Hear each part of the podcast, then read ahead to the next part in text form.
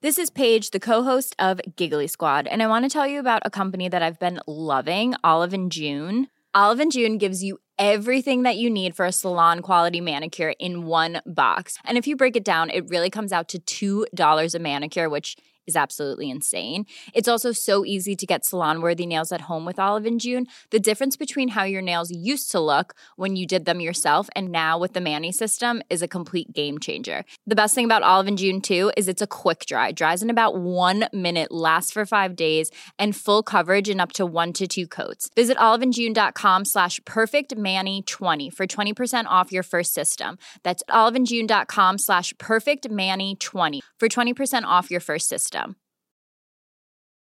Want flexibility? Take yoga. Want flexibility with your health insurance? Check out United Healthcare Insurance Plans. Underwritten by Golden Rule Insurance Company, they offer flexible, budget friendly medical, dental, and vision coverage that may be right for you. More at uh1.com. When you're ready to pop the question, the last thing you want to do is second guess the ring. At Bluenile.com, you can design a one of a kind ring with the ease and convenience of shopping online. Choose your diamond and setting. When you find the one, you'll get it delivered right to your door. Go to Bluenile.com and use promo code LISTEN to get $50 off your purchase of $500 or more. That's code LISTEN at Bluenile.com for $50 off your purchase. Bluenile.com code LISTEN. Hälsomanagement, smörjmedel till organisationens motor.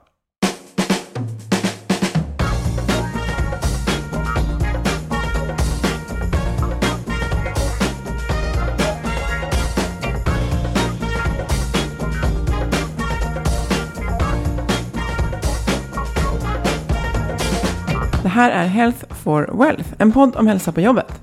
Vi är Ann-Sofie Forsmark, hälsomanagementkonsult och Boel Stier, copywriter och kommunikatör. Lite kul med din titel där va? Vårt motto är att hälsa och lönsamhet hör ihop om man satsar strategiskt och långsiktigt. Men hur gör man för att lyckas? Det tar vi reda på i den här podden. Ja, precis. För jag fick nämligen frågan för ett tag sedan, men alltså vad är det du kallar dig för? Hälsomanagementkonsult. Och då tänker jag att ibland är man så inne i det man gör, så att man, man glömmer att det kanske inte är ett vedertaget begrepp. Nej, för det är det ju inte. Nej, och jag tror att det vi kommer prata om idag, det kommer inte vara så här, wow, jaså var det det för många, utan snarare sätta det i ett sammanhang och, och med, prata lite om ansatsen och vad det handlar om. Mm. Och precis, jag är supersugen på att dyka in i det här, varför det här finns och hur det används. Eh, men först tänkte vi prata lite om en smart lista vår partner Twitch Health har gjort. Och det handlar om tre mycket vanliga misstag i just hälsoarbetet. Mm, precis, så här kan man bocka av några grejer man inte ska göra och sen så dyker vi in i det man ska göra i, i, i programmet. Så, eh, för det första är det just att det saknar tydliga, relevanta och väl förankrade mål. Och här vill jag igen koppla till den här föreskriften. Eh, Den här föreskriften från Arbetsmiljöverket. Ja, precis, för den säger också att man ska ha mål. Så att här blir det både, det är inte bra att inte ha det för verksamheten, men det är också egentligen ett lagkrav. Att ha mål för sitt hälsoarbete. Ja, för oftast har man kanske ett formulerat mål, vilket Twitch lyfter då i sin arbetsmiljöpolicy. Eh, men, men eh, det är inte alltid riktigt kopplat då till, eh, till verksamheten. Och sen är det ju så att eh, målet för hälsoarbetet gärna får hänga ihop med verksamhetens mål som Twitch vd Fredrik Karlsson så noga påpekade när han var här i några av, för några avsnitt sedan. Mm. Och det kan tyckas väldigt självklart, men det är ju inte det alla gånger. Så att det här kan vara en så här viktig nyckel för många som inte har fått saker och ting att fungera. Mm. Och sen det andra som vi också har lyft flera gånger, det här med att hälsoarbetet är aktivitetsdrivet. Eh, och där kan jag också tänka att man, man skjuter in aktiviteter, men man behöver backa till att vad är egentligen utmaningen? Och det kan finnas flera aktiviteter som löser utmaningen, men man behöver fokusera på att definiera den eh, för just den organisationen där man jobbar. Och där hoppar man gärna förbi, vilket de också ser när de är ute och träffar företag ibland. Och det är ju väldigt lätt att fastna i den här fällan, ja, vad man än gör egentligen och på, även på andra områden, att man har någon typ av problem och istället för att ta tag i det då på allvar så så, så tänker man sig att man kanske förhoppningsvis löser det genom eh, lösryckta aktiviteter här och Ja, där. någon så här vedertagen lösning. Nu sa jag att de träffar företag ibland, de träffar företag hela tiden. Men ibland kanske de stöter på det här. Eh, och sen också att man har en väldigt, eh, kanske smal definition av hälsa. Det är Mm, det tredje känner- misstaget. Ja. Ja, och här tjänar man ju jättemycket på eh, med alla digitala stöd vi har. Det är ganska lätt att tanka av, eh, oavsett hur stor personalgrupp man har, hur man ser på hälsa. Härligt. Nu tillbaka till dagens fråga. Vad är, och jag tycker det är typiskt att vi innan vi tryckte på inspelningsknappen pratade lite om, är det health management eller är det hälsomanagement? Det är ett ganska nytt begrepp det här så att vi har inte riktigt så färdiga ord för det kanske. Ja, det kanske inte är ett så nytt begrepp, men jag tänker just att eh, management är ju ett engelskt, engelskt ord som inte direkt har... Vi använder ju det på svenska kan man säga, och då ska det ju egentligen heta hälsomanagement. Ja, och anledningen att det här är ett ämne eller liksom ett eh, ja, område folk jobbar med och forskar kring eh, idag, det är väl att vi mer och mer jobbar med människan som resurs. Alltså för hundra år sedan stod vi i en fabrik, eller Ja, hur? precis. Och då var människan visserligen ett hjälpmedel i maskineriet, men det handlar ju mer om att man kanske flyttade på saker och gjorde grejer längs ett löpande band. Idag är det ofta våra hjärnor som är resursen, eller hur? Mm. Ja, men precis. Och det- fallerar vi då, så ja, då fallerar hela affären. Ja, och, och som sagt att de flesta skriver under på att personalen är vår viktigaste resurs. Det skulle ju låta jättedumt att säga någonting annat. Men hur många organisationer som verkligen omsätter det i sin liksom, verksamhetsstrategi? Alltså kopplar ihop det med managementfrågor. För att det är inte organisationer som förändras, utan det är människor som förändras. Det är inte organisationer som rör sig framåt och förverkligar saker, utan det är människorna på organisationen. Så att för mig så handlar hälsomanagement om att ha ett synsätt på verksamheten och sina managementfrågor utifrån att det är hur, alltså humankapitalet, personalen har det och deras liksom förutsättningar som är det som är avgörande för hur det går för organisationen och det sätts i främsta rummet. Det andra, det blir liksom stöd för det. Så det du sa inledningsvis, att hälsomanagement handlar om att smörja organisationens motor. Det är alltså helt enkelt en möjliggörare för att ett företag, om vi tänker oss en modern organisation där just människor är den viktigaste resursen, ska kunna fungera på ett effektivt och, och liksom, ja, blomstrande sätt. Mm. Alltså om man tänker att man har en företags eller organisationsvision och en plan. Så är det så här, okej hur skapar vi förutsättningar för att genomföra den här? Och det blir ju kanske lätt då att man fastnar, ja men vi behöver en grupp som jobbar med det här och utvecklar det här. Okej, vilka förutsättningar behöver de för att faktiskt göra det? Eh, och eh, ett, just också att, ja men om man tänker så här, telefoner. Eh, Ja, men det går ju att få exakt samma smarta teknologi i ganska många telefoner. Men vi väljer ändå att kanske köpa en med ett äpple på.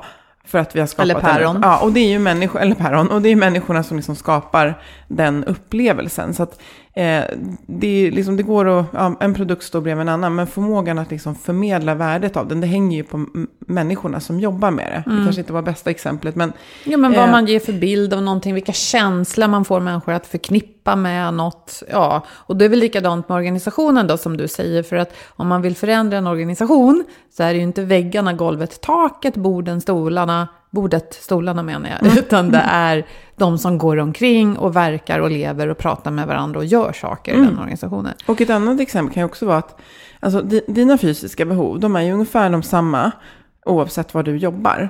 Men säg att ni ska genomgå en omorganisation eller någon typ av sammanslagning eller det kommer en ny lag eller någonting. Då, då, du behöver fortfarande sova, äta och liksom röra på dig. Gissningsvis ja. Ja, men din, din hälsa kommer att påverkas av hur den här förändringen tas om hand på arbetsplatsen. Så en hälsomanagementfråga skulle kunna vara hur jobbar vi till exempel med ledarskapet i tider av förändring? För det vet vi kommer påverka hälsan hos våra medarbetare. Och eftersom förändring är det enda nya konstanta. Ja, precis.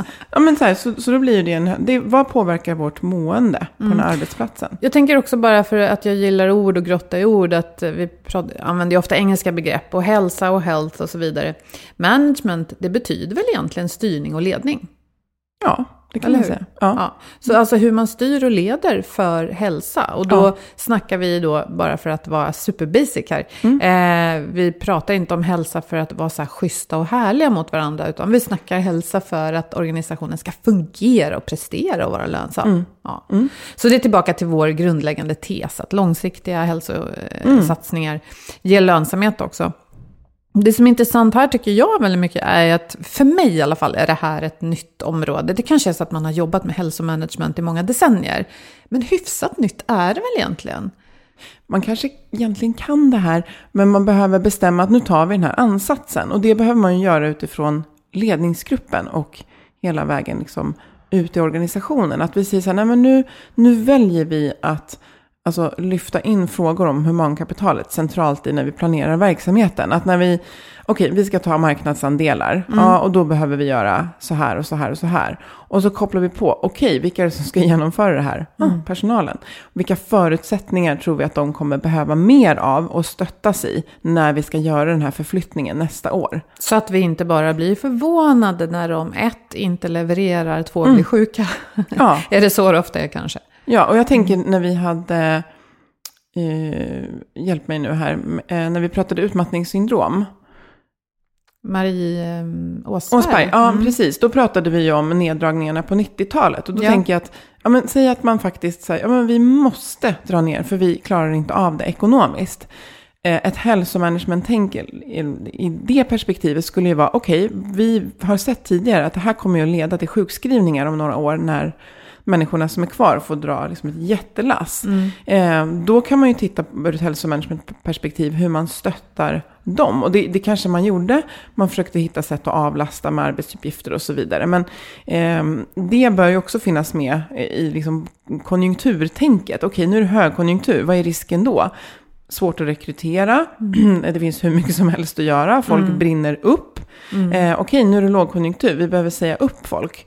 Vad blir vårt hälsomanagementfokus då? Ja, skapa lugn, eh, stötta de som vi måste säga upp, men också ta hand om de som är kvar och hjälpa dem eh, att prioritera i sina arbetsuppgifter så att vi liksom gör det vi verkligen ska, men så att de håller och inte blir liksom sjukskrivna några år senare. Det är lustigt att se att eh, de här korta beskrivningarna du gör av både hög och lågkonjunktur, i båda de bilderna så ser jag ju framför mig folk som har alldeles för mycket att göra.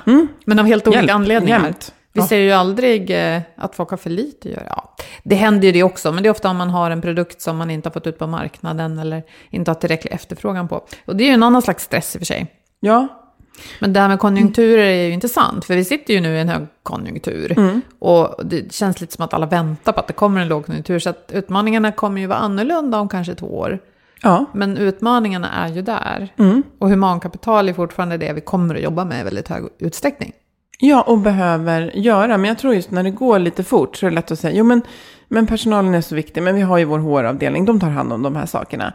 Lyft in dem i ledningsgruppen, för den kompetensen som man sitter på när man är beteendevetare och jobbar nära liksom, rekrytering, jobbar nära chefer, eh, då har man alltså fingerspitzgefühl på vad det är som behövs. Och sen behöver det liksom lyftas in i verksamhetsplanen. Så just ett exempel där med Eh, Okej, nästa år så kommer vi att, eh, vi kanske kommer slå ihop två enheter.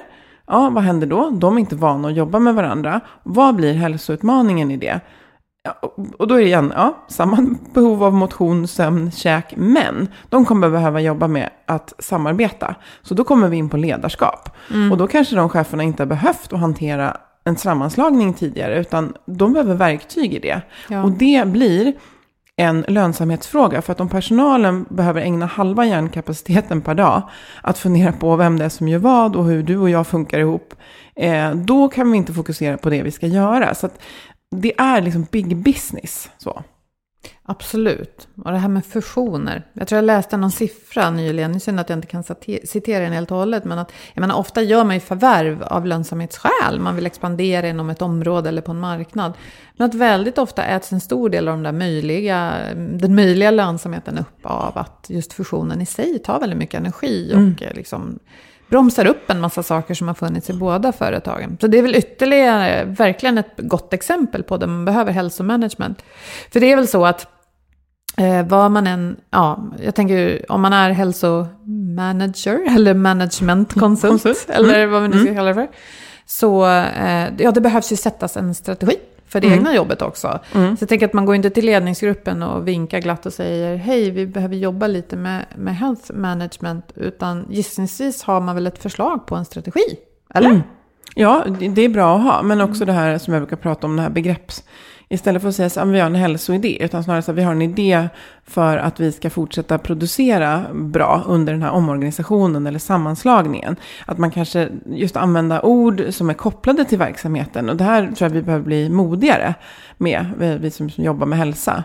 Eh, och också våga liksom, räkna på det. Och inte alltid kolla på sjukfrånvaron, utan säga att ja, men vi tror att vi kommer behålla fler här. För att det kanske är fler som börjar fundera på att söka nytt jobb nu när det börjar ryktas om att det händer saker. Och, eh, en annan sak som jag också tänker många sitter med det är att man har ett utomlands liksom, ägandeskap. Där det kommer liksom, direktiv utifrån med en annan typ av kultur. Kanske tysk eller finsk eller vad det kan vara. Och att det behöver man också förhålla sig till. Och det kan vara, ett, sätt- det kan vara något som man inte kopplar till hälsa. Man bara, ja men det är ju så här. Fast det är ju verkligen något som påverkar hur man mår på jobbet. Att, att det sitter någon eh, anonym ledning någonstans långt borta och fattar beslut som man inte kan påverka. Det, det, det hör jag rätt ofta frustrerade människor uttrycka om sina då lite större globala organisationer. Och hur kan man jobba där? Eh, är att liksom öka det lokala inflytandet trots att man har ett ramverk som man kanske faktiskt inte kan påverka? Eller? Absolut, att titta vad är ramarna, vad är som det är och vad kan vi göra? Lite jobcrafting kanske kommer in där, som vi har pratat om tidigare, det. på lite större nivå. Men, men, men precis, och om man tittar vad är det som påverkar vårt mående här? Alltså om man börjar där, ja men det är nog det här. Och verkligen eh, låta folk komma till tals i det här och verkligen sitta och fundera runt det här. Man kanske inte behöver fråga alla, men en, en klok samling människor på den här organisationen. Vad tror vi påverkar människors mage, hjärta, liksom sinne när man är på arbetsplatsen? Mm, det kanske, nu säger jag omorganisation igen, men det är så otroligt vanligt att man håller på med det. Eller, oj, kommer mitt jobb försvinna på grund av digitalisering? Det kommer att påverka min förmåga att arbeta och Självklart. således är det en managementfråga. Så att jag tänker utifrån våra lyssnares perspektiv att man har sina egna hälsomanagementfrågor. Men det handlar om verksamhetsplanen och sen fundera på vilka är de humankapitalkopplade förutsättningarna som påverkar om det här genomförs eller inte. Om det blir bra eller inte. Ja, just det. Hur, hur framgångsrikt det blir helt enkelt. Mm. Men jag har en fråga som jag funderar på själv. Vi säger ju ofta själva, vi säger alltid i inledningen till varje avsnitt att om man satsar långsiktigt på hälsa så är det lönsamt. Vi pratar alltså inte om korta lösryckta aktiviteter.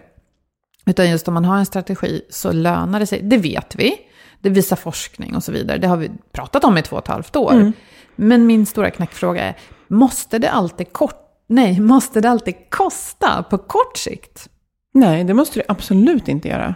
Det behöver ju verkligen inte det. Det kan ju också vara något som syns på nästa kvartalsrapport. Du tänker Eh. att det finns så kallad lågt hängande frukt, alltså grejer som Ja. är ganska lätta att göra ofta. Alltså verkligen inom det här. Jag tänker på, eh, nu kommer jag inte ihåg exakt hur den, men man, man har ju tittat på att kollegiala samtal till exempel ökar liksom eh, hälsan på arbetsplatsen. Och det är så här, det är no-brainer för alla som jobbar med det här. Men det är klart att om man snackar med varandra blir det bättre konstruktivt, inte gnälla. Ja, men du, tänk en konsultorganisation som den jag själv jobbar i. Mm. Varje timme är då liksom... Finns en alternativkostnad för Ja. allt man gör? För det skulle kunna vara en debiterbar timme. Absolut. Jag kommer ju själv från det. Ja, Ja, och, och liksom, hur blir det då om man säger ja, men det här kommer ju att få oss att hålla på lång sikt? Ja, men det blir ju den där timmen för ja, så här många människor varje, Mm. vad, det, vad det nu är, varje vecka, varje månad. Och så kanske det inte händer ändå. Men det kanske är så här då att, ja, att ni har, om man tänker så här, för ni har ju någon typ av, gissningsvis har någon typ av sammankomst där ni pratar med varandra. Och då kan det ju vara att man, man kanske får göra en, så här, vi brukar prata väldigt mycket om liksom verksamheten och resultatet och prognos och sådär. Och så kanske man säger, det, vet du vad, det där, i några månader så testar vi och bara sammanfattar det här i korta punkter. Och så lägger vi istället krut på eh, konstruktiv liksom, reflektion och, och hur vi har det. Eh, och då får man inte sitta och gnälla så här, ah, det är så mycket nu och jag har en kund som är så jobbig. Utan så här, okej, lite sånt. Men eh, sen att vi liksom har, att vi sätter så här, vad skulle våran agenda kunna vara för att prata om hur vi har det? För att stötta oss i att må bättre utifrån våra utmaningar. Eh, så att gissningsvis alla har ju, för jag kommer ju också från att, liksom, men, vi, men vi hade ju också möten. Och eh, då var det ju mycket fokus på liksom, det här kommer uppifrån, det här händer, det här ska ut, nu ska vi, det här är våra nya värdeord, ja men du vet. Men det kunde också... Liksom, om Du bara, vi har våra nya värdeord, Ja. du vet. Lite så här från ledningen som de vill att vi ska springa omkring Ja. i korridoren och ropa hurra. Ja, men nu gjordes de faktiskt, den, just den implementeringen gjordes väldigt bra. Men, men det kan vara så här, det här kommer, här är nya direktiv och så. Sånt här som kan vara så här, det här kan jag läsa på egen kammare. Men det jag inte kan göra på egen kammare, det är att se mina kollegor och höra hur vi delar utmaningar. Men också så här, jag har en idé, ja vi kan göra så här. För att Alltså att bli sedd och bekräftad, det, det, det är så otroligt viktigt. Så jag tror att mycket var det det som skedde i de här kollegiala samtalen. Och Som då- konstruktivt fick lyfta upp Ja, utmaningar. Ja, precis. Som, som hon tog upp i vårt avsnitt. Vi ska länka till det om Mm. eh, utmattning. Att det är en, ja, en bevisad metod för att förebygga Ja. utmattning och utbrändhet. Marie Åsberg gav väldigt bra exempel på det och jag reflekterade över det för jag lyssnade på det avsnittet igen och det kan jag verkligen tipsa om att göra. Det var ju verkligen så att det här var, hon, vi spelade in det här ganska långt innan den här studien kom ut. Alltså det här är hon om någon liksom vetat jättelänge. Vi behöver prata med varandra, det Ja. sa hon. Och jag tror att vi underskattar det. Vi tänker att det sker vid kaffeautomater och sådär. Men nej, Inte om man har för konstruktivt- mycket att göra. Nej. Kon- och då blir det också, hur är läget Boel? Och så springer jag vidare. Ja. Ja, det är bra, det är bra, det är bra. Ja, och vi landade i det här också när jag var moderator på Skandias hälsoforum. Så var det öppen och rak, öppen, rak och ärlig dialog. Eh, fick jag med från en annan Marie där som är deras, eh, Marie Ågren, Marie Å? Eh, deras HR-chef. Och vi landade ihop med alla andra talare också. Och där är det viktigt att påpeka då, för jag läste på lite extra om just de här kollegiala samtalen, att själva metoden där handlar ju om att det ska eh, inte finnas någon hierarki så att säga i grupperna. Så att chefen ska inte vara med, utan det ska vara kollegor som pratar och delar. Och då tänker jag att det, det är ju lite olika olika organisationer hur det ser ut med, med chefer och ledare och så, men eh, förutsättningar för det där raka och ärliga Ja, är ju gissningsvis större då. Ja. Och just att, eh, ja, nej men gud, vi ska länka in till den undersökningen där man kan läsa mer om metoden också. För Ja. det, det är ju, jag hade nämligen en fråga till dig som jag hade tänkt ställa. Nu ställer jag den. Mm. och just apropå hälsomanagement, oavsett utbildning eller inte, eller om man har läst den senaste boken från, inte vet jag, McKinsey. Vad finns det som alla kan göra redan på måndag? Vi pratar ju ofta om det. Sådana saker man faktiskt kan förändra. Och kanske är sådana här kollegiala samtal någonting idag Mm. när väldigt många går in i den så kallade väggen. Ja, men just det här, att vad är, hur känns mina förutsättningar på individnivå? Om, om det här är vår verksamhet och det är hit vi ska, hur känns mina förutsättningar för att jobba mot det? Och då kan det vara att man känner så här, ja, nej, tiden räcker inte till. Ja, det kan vara en sak. Och så kan det bara vara att, eh, och så sitter vi på gruppnivå då, i vår grupp. Vi ska jobba mot det här målet. Hur är våra förutsättningar? Ja, vi är en kort. Eh, dessutom strular det här dataprogrammet hela tiden, det funkar inte.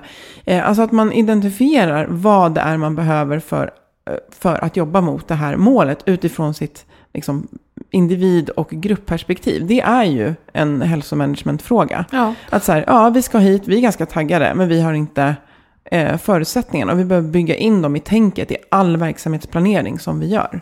Och då kan jag tänka mig, kollegiala samtal kan ju se väldigt olika ut. Mm. Och de kan ju handla om just hur man mår, men det kan också göra, handla om hur man kanske organiserar sin arbetsvardag. Jag tänker att det kanske pendlar däremellan när man har den här sortens samtal. Mm. Och då kan det ju komma upp faktiskt briljanta idéer Mm. för att få verksamheten att rulla bättre. Ja, Dessutom, Mm. nu vet jag att det ska inte finnas sådana krav kring sådana samtal. Men där det förs fria samtal utan alltså att eh, man är avkrävd att lösa ett problem eller liksom komma med något visst resultat kan det också växa väldigt bra idéer. absolut. Man får känna det där, det, här är det okej att vara sig själv och berätta. Och inte, som sagt, inte gnälla, utan bara, eller inte bara, utan att vi liksom fokuserar verksamhetskopplat. Vi ska hit, hur Ja. känns det, vilka förutsättningar behöver Det är ju en typ av kollegialt samtal som också är kopplat till hälsomanagement. Men just att om man tar en annan typ av verksamhet, om man tänker till exempel förskola.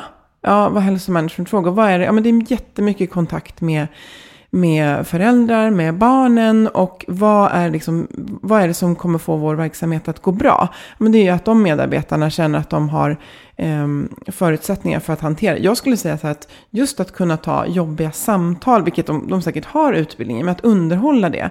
Att liksom kunna ta, tänk dig en jobbig förälder, herregud. Alltså jag känner så otroligt starkt för, för all förskole och skolpersonal. Mm. Att känna sig så stark i det. Alltså jag vet hur jag tar tuffa samtal. Jag vet också hur jag Eh, vi har byggt in att det finns med liksom, på agendan att vi ska kunna gå undan och få eh, varva ner. Och att det inte är något som bara ligger på mig, utan det är så viktigt så att det är en del av vår verksamhetsplanering. Att det finns rutiner för det, precis. Mm. Inte bara att det är okej att göra det då och då. Så alla verksamheter har ju sina möjligheter och utmaningar som är kopplat till människorna som ska förverkliga den vision och den verksamhetsplan som man har. Och där i ligger hälsomanagement fokuset som jag ser på det. Alltså, ja, jättekul att lyssna på. Jag blir själv sugen på att dyka ner i ett antal böcker och sådär. Men du nämnde ju en utbildning som du ska hålla. Nu i det här avsnittet ligger förhoppningsvis och snurrar om flera år också. Men vi kan väl länka in någon typ av mm. information om vad det är för typ av utbildning. Sen tänker jag också eh, lite litteraturtips och sånt. Lägger vi också i inlägget tycker jag. Ja, den här, eh, McKinsey har en väldigt bra artikel som man kan börja med om man inte vill, läsa boken. Eh, för den, är, den fokuserar ju på ja, för det första fem liksom, nyckel, nyckelområden som man ska ha koll på. Men det är så här, vart är vi på väg? Har vi förutsättningarna? Hur håller vi igång längs vägen och hur eh, fortsätter vi utvecklas? Eh, det är deras liksom, det är ju ett jättebra som första steg om man vill bara läsa någonting och ja. liksom leta sig vidare. Mm. Ja, vad kul att eh, lyssna om det här och jag är säker på att du, Ann-Sofie, kommer att stå med i historieböckerna som en av dem som, men jag tror det, och det här, jag har inte betalt för att säga det, nej men eh, för att det är ett nytt område och det är inte så jättemånga som jobbar med det, men förhoppningsvis blir det fler. Verkligen. Och jag tänker att det här avsnittet gissningsvis väckte mer frågor och tankar än att man fick massa svar. Men jag tror att det, det var precis det vi ville. Eh, och som sagt, prata jättegärna vidare med oss om det här i, i sociala medier. Berätta hur ni jobbar om ni känner att amen, vi jobbar ju sådär. Berätta det. Vi kanske inte har kallat det för hälsomanagement, men vi jobbar så. Ja, berätta om era tips på utbildningar, eh, litteratur, eh, olika strategier och handlings, alltså aktiviteter, mm. vad ni pysslar med där ute. Vi finns som vanligt på healthforwealth.se, LinkedIn och Facebook. Vi tackar våra samarbetspartners Twitch Health och Agda Media som stod för den här produktionen. Tack Ta hand om varandra. Tack, tack. Hej, tack. hej. Hej då.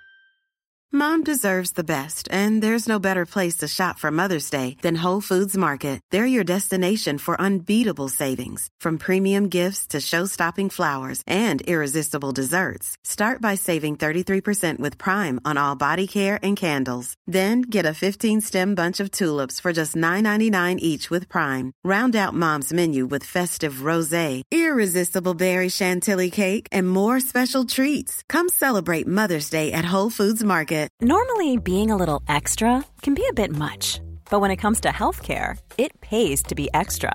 And United Healthcare makes it easy with Health Protector Guard fixed indemnity insurance plans. Underwritten by Golden Rule Insurance Company, they supplement your primary plan, helping you manage out of pocket costs without the usual requirements and restrictions like deductibles and enrollment periods. So when it comes to covering your medical bills, you can feel good about being a little extra. Visit uh1.com to find the Health Protector Guard plan for you. Hey, it's Danny Pellegrino from Everything Iconic. Ready to upgrade your style game without blowing your budget? Check out Quince. They've got all the good stuff shirts and polos, activewear, and fine leather goods, all at 50 to 80% less than other high end brands. And the best part? They're all about safe, ethical, and responsible manufacturing. Get that luxury vibe without the luxury price tag. Hit up quince.com slash upgrade for free shipping and 365 day returns on your next order. That's quince.com slash upgrade.